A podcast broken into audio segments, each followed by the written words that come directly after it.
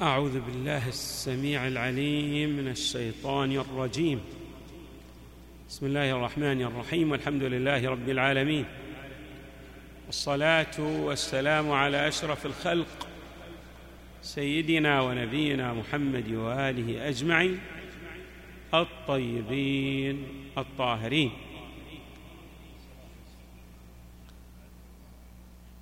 قال الله تبارك وتعالى في القرآن الكريم ادعوني أستجب لكم. إن الذين يستكبرون عن عبادتي سيدخلون جهنم داخرين. صدق الله العلي العظيم.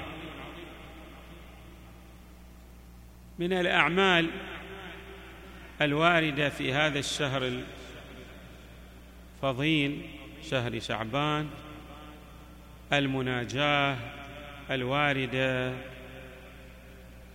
عن مولانا أمير المؤمنين عليه السلام.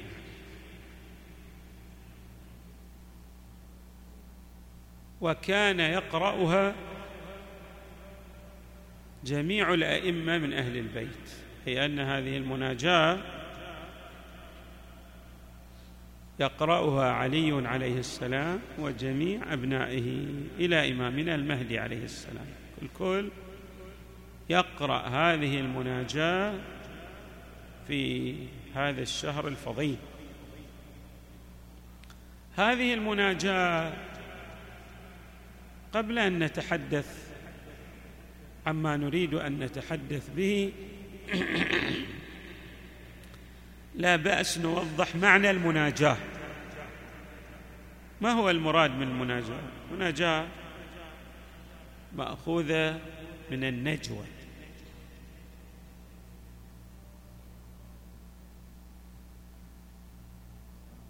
أو من النجاة. والمراد بها بالمناجاة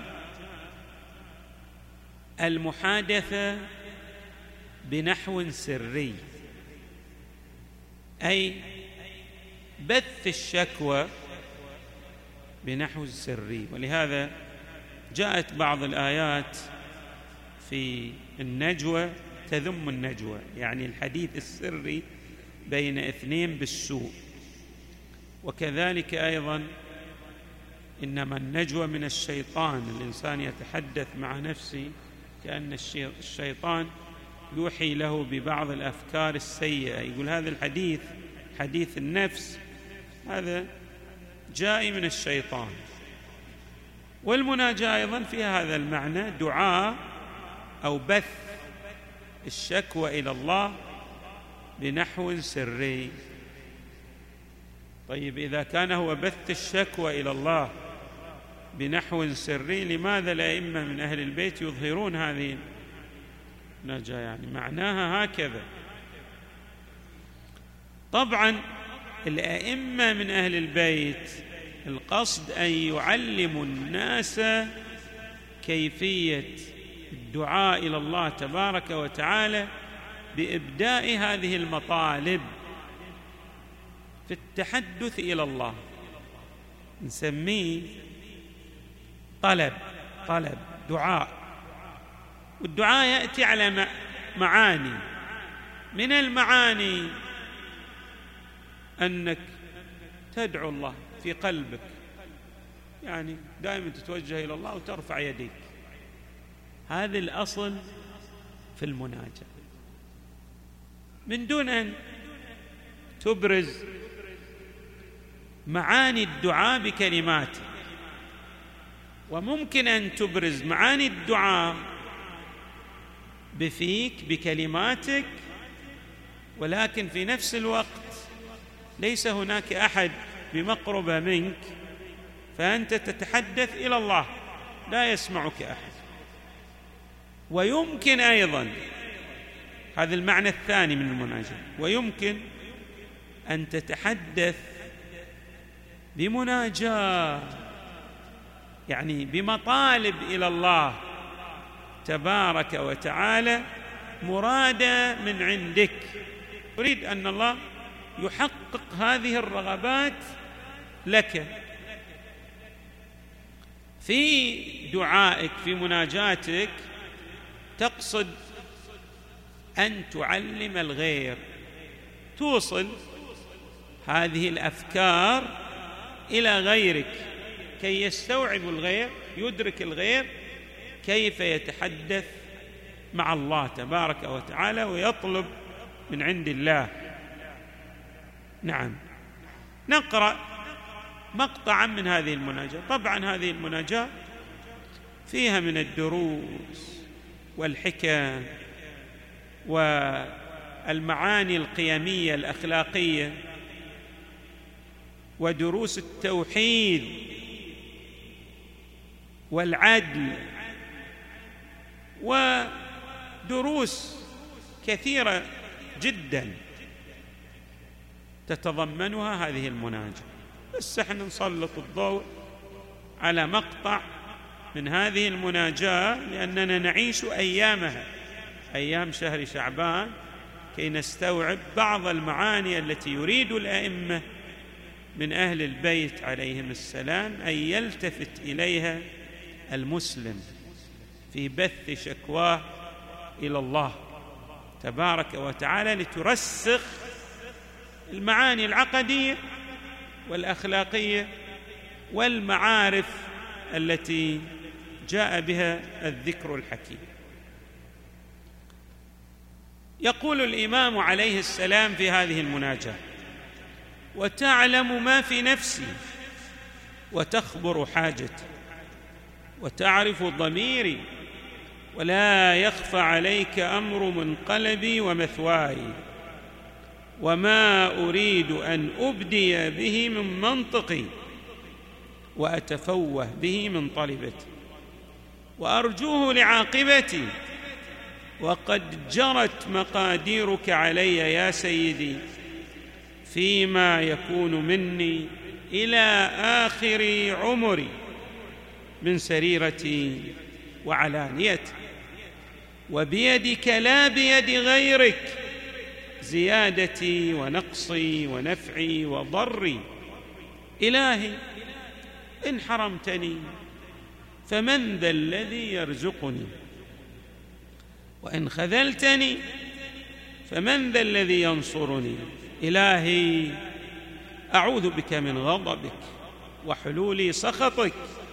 إلهي إن كنت غير مستأهل لرحمتك فأنت أهل أن تجود علي بفضل سعتك هذا مقطع. نريد أن نتعرف على بعض المعاني التي يشير إليها هذا المقطع الجميل. وتعلم ما في نفسك. من صفات الله تبارك وتعالى العليم العالم المطلع على كل شيء. لا يخفى عليه خافية. الله عالم أيستطيع أحد أن يخطر بقلبه شيئا لا يعلمه الله؟ ما يستطيع. الله يحيط بكل شيء علم. الله تبارك وتعالى في القرآن يقول ولقد خلقنا الإنسان ونعلم ما توسوس به نفسه ونحن أقرب إليه من حبل الوريد. ويقول تبارك وتعالى وعنده مفاتح الغيب لا يعلمها إلا هو ويعلم ما في البر والبحر وما تسقط من ورقة إلا يعلمها. ولا حبة في ظلمات الأرض ولا رطب ولا يابس إلا في كتاب مبين. كل شيء الله يعلم به. ما في شيء يخفى على الله تبارك وتعالى. إذا وتعلم ما في نفسي. الحاجة التي أريد أن تقضى منك يا إلهي. عندي حوائج. كل الإنسان فقر. حقيقة الإنسان هي الفقر والعوز والاحتياج إلى الله. طيب الله يعلم بالإنسان أم لا يعلم؟ الله يعلم. ولكن يريد من الإنسان أن يجسد العبودية. دائما يدعو الله. يتضرع إلى الله يدعو الله في سره وعلنه يعني في حقيقة نفسه يدعو الله دائما يتوجه بلسان فطرته وحقيقة وجوده لإظهار عوزه وفقره وفاقته إلى الله. هذا حقيقة العبودية إلى الله. وتخبر حاجتي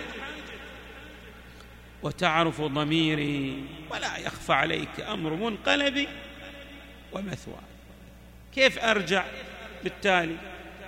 بالتالي ما هي أيضا عاقبتي إلى أين تكون؟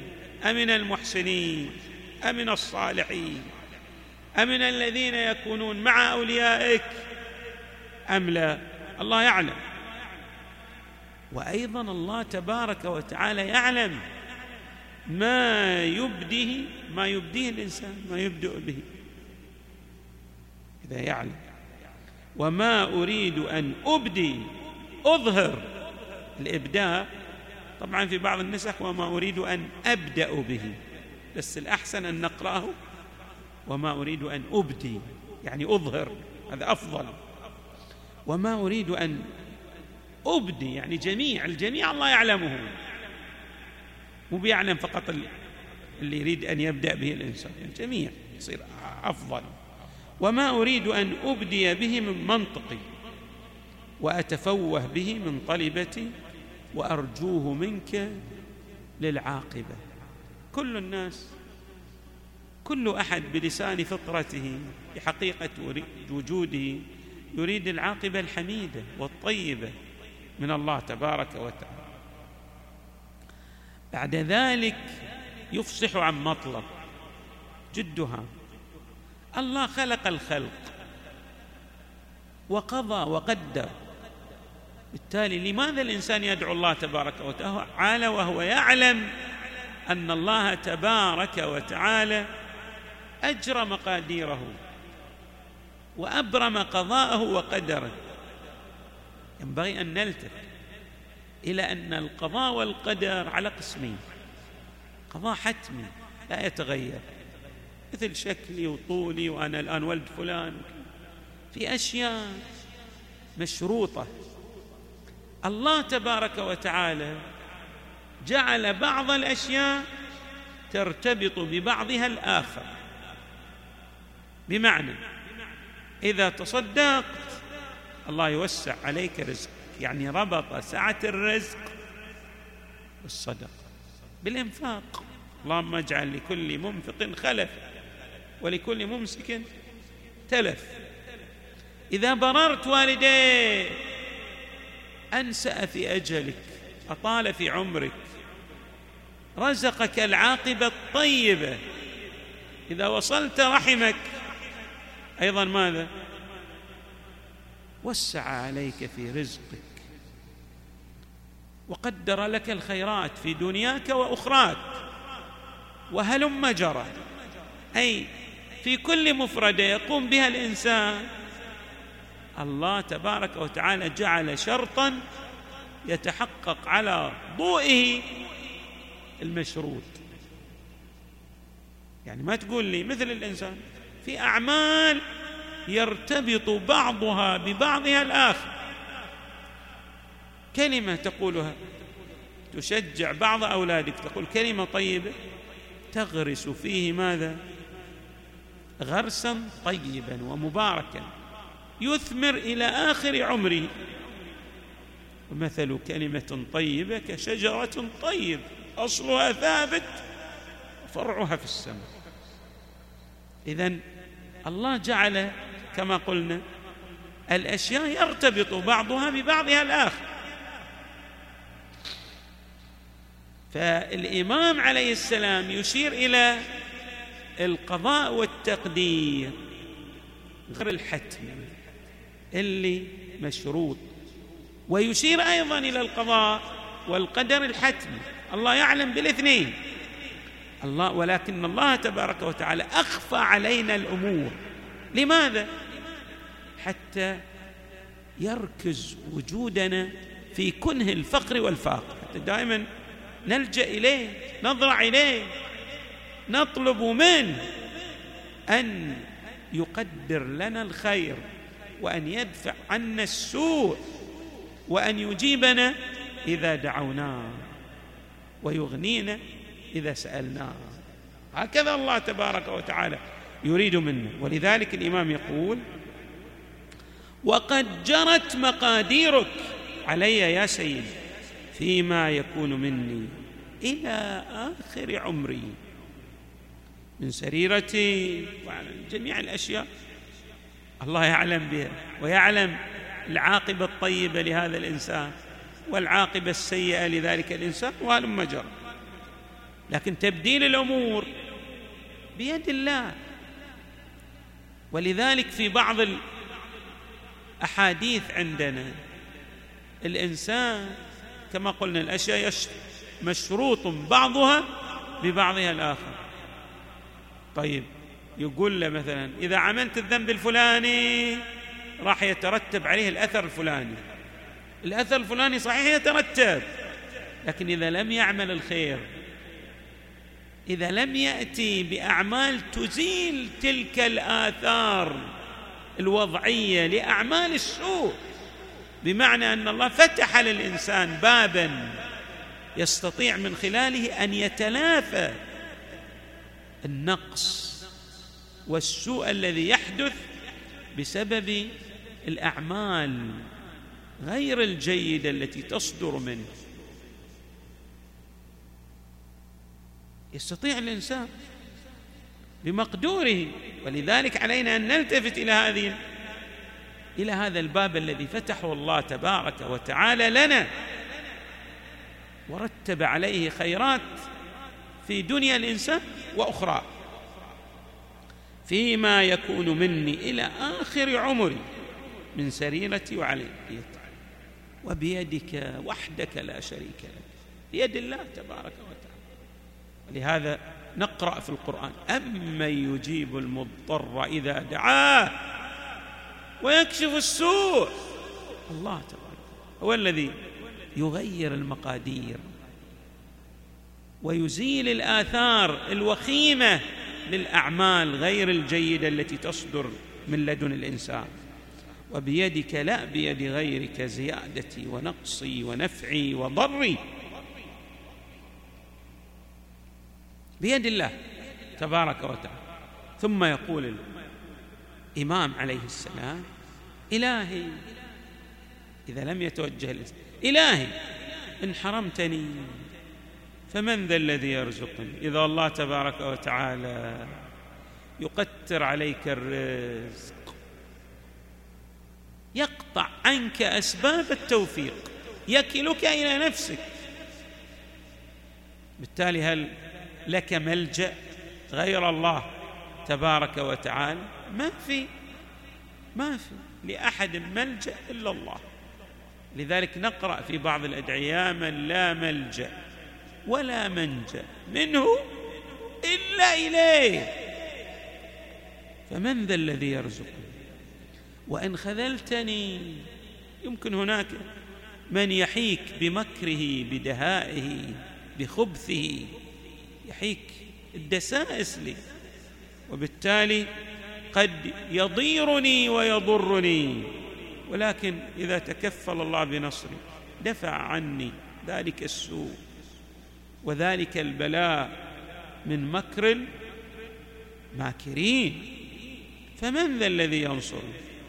إلهي أعوذ بك من غضبك وحلول سخطك الله ليش يغضب على الإنسان؟